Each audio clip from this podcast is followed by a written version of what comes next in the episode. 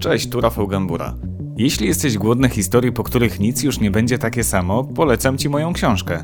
Zajrzyj na oczy.altenberg.pl i zamów swój egzemplarz. Tymczasem zapraszam na wywiad. Mieszkasz w dużym mieście, pracujesz w korporacji, zarabiasz przyzwoite pieniądze i masz depresję. Jak to możliwe? Tak, tak jest. Y, To nie jest y, typowa y, wizja osoby, która ma depresję, No ponieważ y, osoba, która y, pracuje w fajnym miejscu i robi fajne rzeczy w tej pracy, która się spełnia zawodowo, która jest y, zadowolona prywatnie ze swojego życia, to nie jest osoba, która ma depresję. Osoba, która ma depresję, to jest osoba, która może się uśmiechać, tylko to jest osoba, która bardzo cierpi w środku. I właśnie tym uśmiechem może ukrywać swój ból, który nie jest takim zwykłym, codziennym bólem, jak na przykład ktoś dostał jedynkę w szkole i, i ma gorszy nastrój przez to, albo nie wiem, szef pracy na kogoś y, się wydarł i wyżył się na nim i wracam do domu i kurde, no mam doła i nie wiem, czy jutro też będę miała doła. To jest tak, że może się nic nie dziać złego w Twoim życiu. Obiektywnie. Tak, ale Ty budzisz się rano, otwierasz oczy i nie masz siły przewrócić się na drugi bok w łóżku. Wstajesz i to jest już bardzo duży sukces.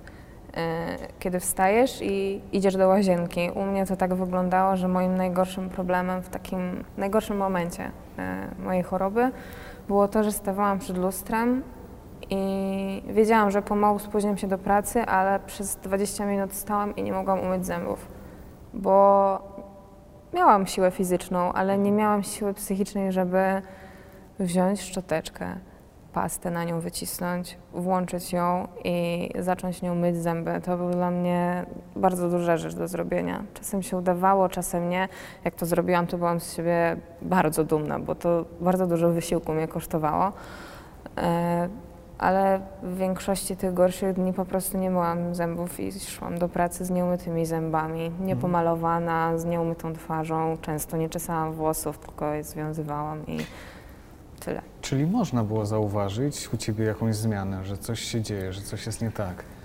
Myślę, że to były takie kosmetyczne rzeczy i ktoś może po prostu mógł pomyśleć, że o, że może jestem przeziębiona, może jestem chora, bo nie wiem, siedziałam w pracy w kapturze, w słuchawkach i po prostu się odcinałam, ale ja w pracy zazwyczaj czułam się i czuję się nadal lepiej. Y, Zajmuję się rzeczami, które lubię robić, y, spędzam czas z fajnymi, y, bardzo pozytywnymi ludźmi, których bardzo lubię i myślę, że vice versa.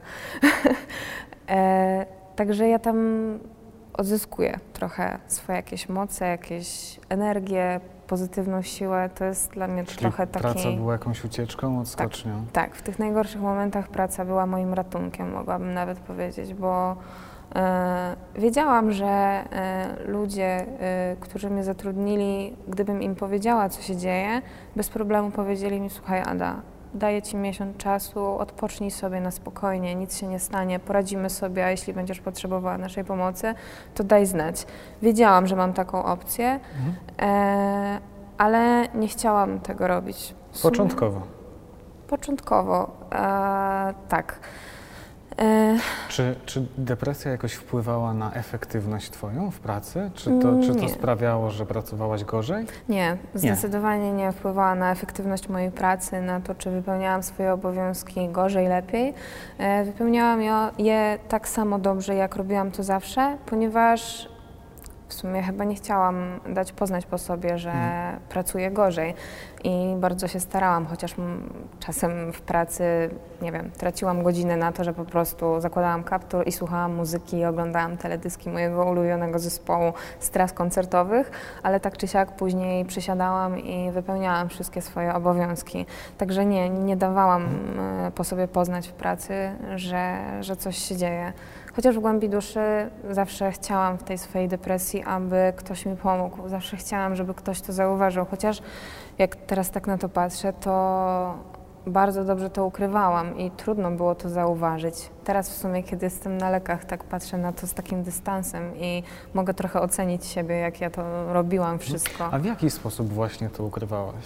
E, wydaje mi się, że w pracy może przyzwyczaiłam trochę e, moich współpracowników do tego, że czasem przychodzę pomalowana, wystrojona, wiadomo, jakieś tam szpileczki, sukienka i wyglądam jak normalnie gwiazda na Fashion Weeku, a czasem po prostu przychodziłam w dresach, e, nieumalowana, w kapturze, w słuchawkach i tak nie chciałam po prostu, żeby ktokolwiek do mnie coś mówił tego dnia czy coś. Czyli ludzie wiedzieli, że Ada jest zmienna. Tak, tak, Mhm. tak właśnie było.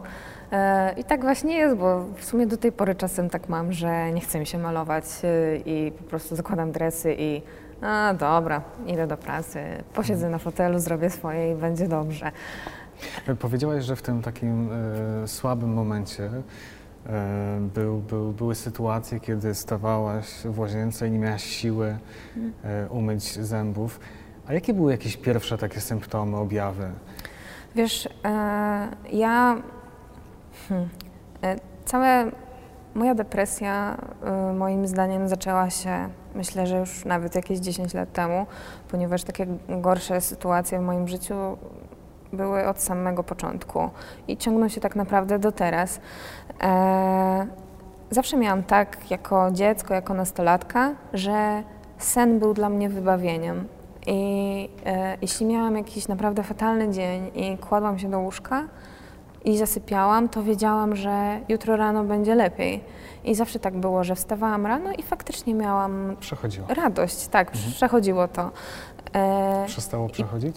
tak, w pierwszym momencie bardzo wystraszyło mnie to, że po prostu jasne, traktowałam sen jako wybawienie, ale budziłam się rano i to nadal trwało. Ten stan z wieczoru nadal trwał i nie mogłam się go pozbyć. Nie miałam absolutnie żadnej siły, mocy, nie miałam takiej energii, żeby wstanę i ten dzień będzie dobry. Mhm. Okej, to były te pierwsze sygnały. Co działo się później? Jak jeszcze to wpływało na Twoje funkcjonowanie? E, Później taką rzeczą mm, było to, że po prostu miałam, zaczęłam mieć problemy ze snem. Może nawet nie stricte ze snem, ale po prostu kiedy kładłam się spać, to miałam po prostu lęki. Bałam się, że e, jeśli nie zadzwonię do babci na dobranoc, to stracę ostatni telefon z nią, ostatni kontakt z nią. Babcia jest osobą, z którą masz bliski kontakt, Tak, wyjaśnijmy.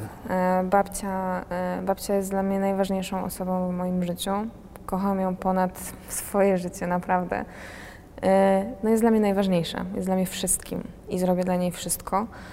I bałam się właśnie zawsze, że jeśli nie wykonam tego telefonu jednego dziennie, to stracę szansę porozmawiania z moją babcią po raz ostatni, bo bałam się, że na przykład tej nocy, kiedy Mhm. ja szłam spać, moja babcia umrze.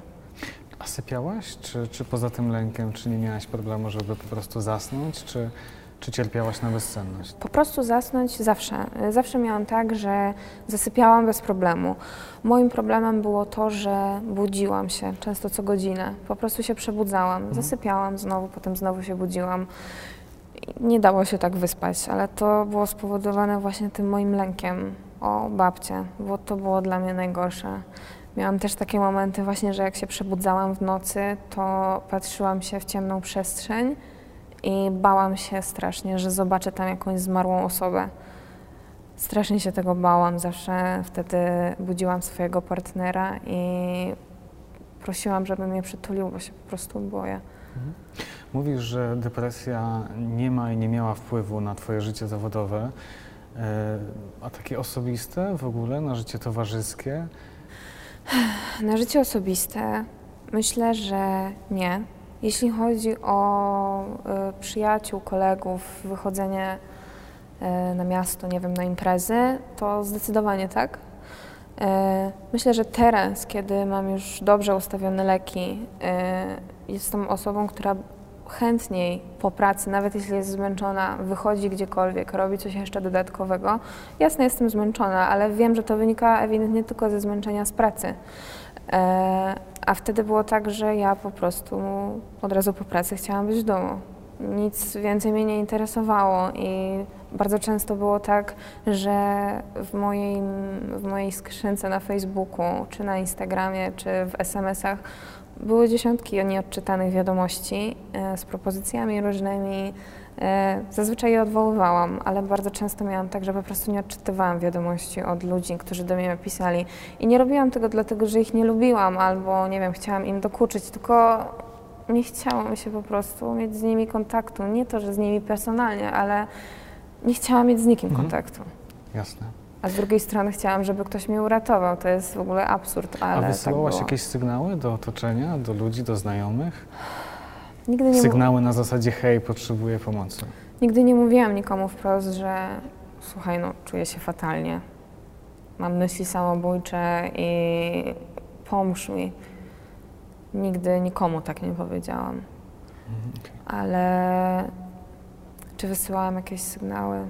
Chyba tylko te bardzo skryte, właśnie, że swoim wyglądem trochę, Mhm. właśnie tym odmawianiem spotkań, zawsze mi się wydawało, że ta druga osoba powinna zareagować, że hmm, chyba coś z nią jest nie tak, nie chce się spotkać, nie spotyka się. A tak mi się wtedy wydawało, że te osoby wtedy po prostu mówiły, że no dobra, olewa spotkanie. No trudno, no już nie będę miał z nią kontaktu. Mhm. Zawsze tak mi się wydawało i w sumie wiele kontaktów się pourywało od tamtego okresu. Nie wiem, czy to jest moja wina, czy to jest wina tych osób. Trudno w sumie osądzać, bo no trudno to osądzić. Wspomniałaś o tym, że miałaś myśli samobójcze. Tak. E, myśli samobójcze w sumie towarzyszą mi od. Już ich nie mam. E, towarzyszą mi od dzieciństwa, od bycia nastolatką. E, jak chodziłam do e, gimnazjum, kiedy zaczęły się problemy w moim domu, to. No to zaczęłam się ciąć po prostu. Nie wiem, byłam takim dzieckiem, bezradność. Byłam, jestem jedynaczką, więc y, nie miałam się z kim tym podzielić po prostu. Nie miałam, nie wiedziałam w sumie do kogo zwrócić się o pomoc. W domu były problemy, więc mama z tatą zajmowali się problemami, tak. Ja też w sumie chyba skrzętnie ukrywałam przed nimi to, że nie daję sobie rady. E, Później y, jakoś z tego wyrosłam. Później jakoś zaczęłam czytać jakieś książki, które właśnie są bardzo takie depresyjne, muzykę taką ciężką, która też raczej nie poprawia mojego nastroju, tylko go pogłębia. E, najgorszymi myślami samobójczymi były dla mnie chwile, kiedy byłam już dorosła. Bo to były jednak świadome myśli, to już nie były, to nie było już bezradne dziecko, które nie wie do kogo się zwrócić o pomoc, nie wie co się dzieje i nie wie co, co zrobić po prostu.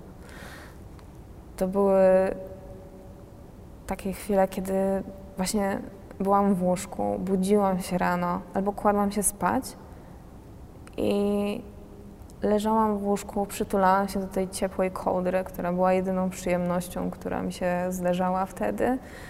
I wyobrażałam sobie, że stoję na moście. y, No i że nigdy nie wyobrażałam sobie w sumie tego, że tonę, ale zawsze strasznie chciałam, aby ktoś mi pomógł wtedy. Zawsze chciałam, żeby ktoś mnie uratował z tego mostu. Także może teoretycznie nie chciałam skoczyć, ale to było takie moje nieme wołanie o pomoc. Czy te myśli, one cię niepokoiły? Tak. e, Ja w pewnym momencie też po prostu już byłam świadoma, że z każdym dniem jest coraz gorzej.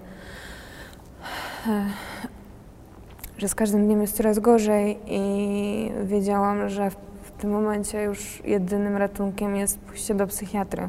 Sama się na to zdecydowałaś? Tak, zdecydowałam się sama, byłam tego pewna od samego początku, kiedy, kiedy myślałam właśnie o tym moście. Wiedziałam, że to jest ostatnia chwila przed jakąś tragedią, która może się stać, bo czułam, że z każdą, z każdą chwilą, z każdym dniem, z każdym wieczorem jest coraz gorzej i wiedziałam, że będzie gorzej i bałam się, że w końcu mogę się zdecydować na coś takiego na poważnie. E, I poszłam sama do psychiatry, sama się zdecydowałam, sama na to wpadłam, e, no bo mówię, poczu poczułam, że to jest ostatni moment, a mimo swojej depresji ja naprawdę kocham swoje życie, uwielbiam to, co w nim robię i to, jakich mam tam ludzi, ja je kocham, strasznie kocham swoje życie Mhm. i nie chciałam go stracić po prostu. Jak wyglądała ta wizyta u lekarza? Poszłaś publicznie, prywatnie? Poszłam do lekarza prywatnie. E, publicznie by to trwało o wiele dłużej i myślę, że do tego czasu mogłabym zrobić sobie krzywdę.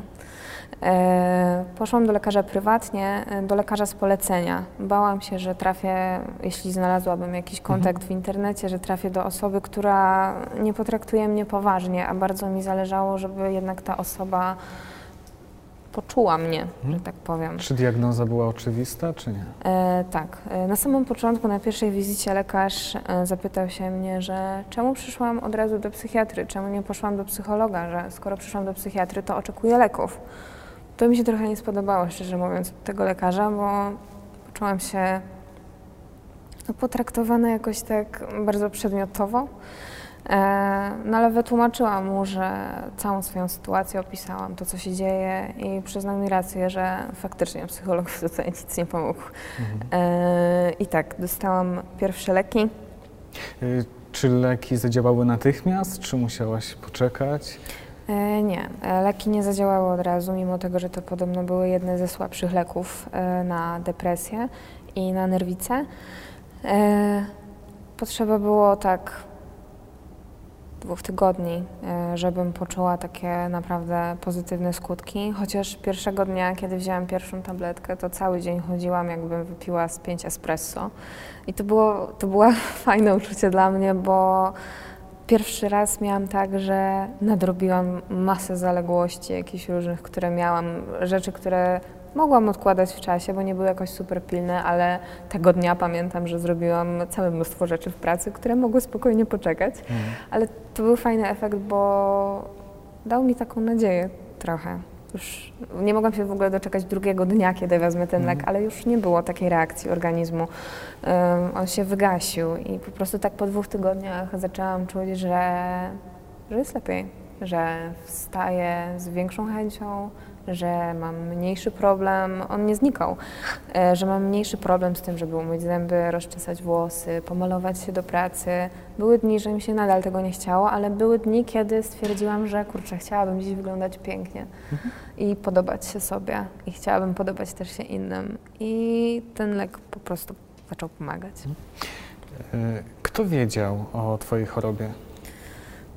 O mojej chorobie e, wiedział mój partner, garstka moich przyjaciół e, i moja mama. A w pewnym momencie zdecydowałaś się o tym powiedzieć także kolegom, koleżankom y, w pracy. Czemu się zdecydowałaś?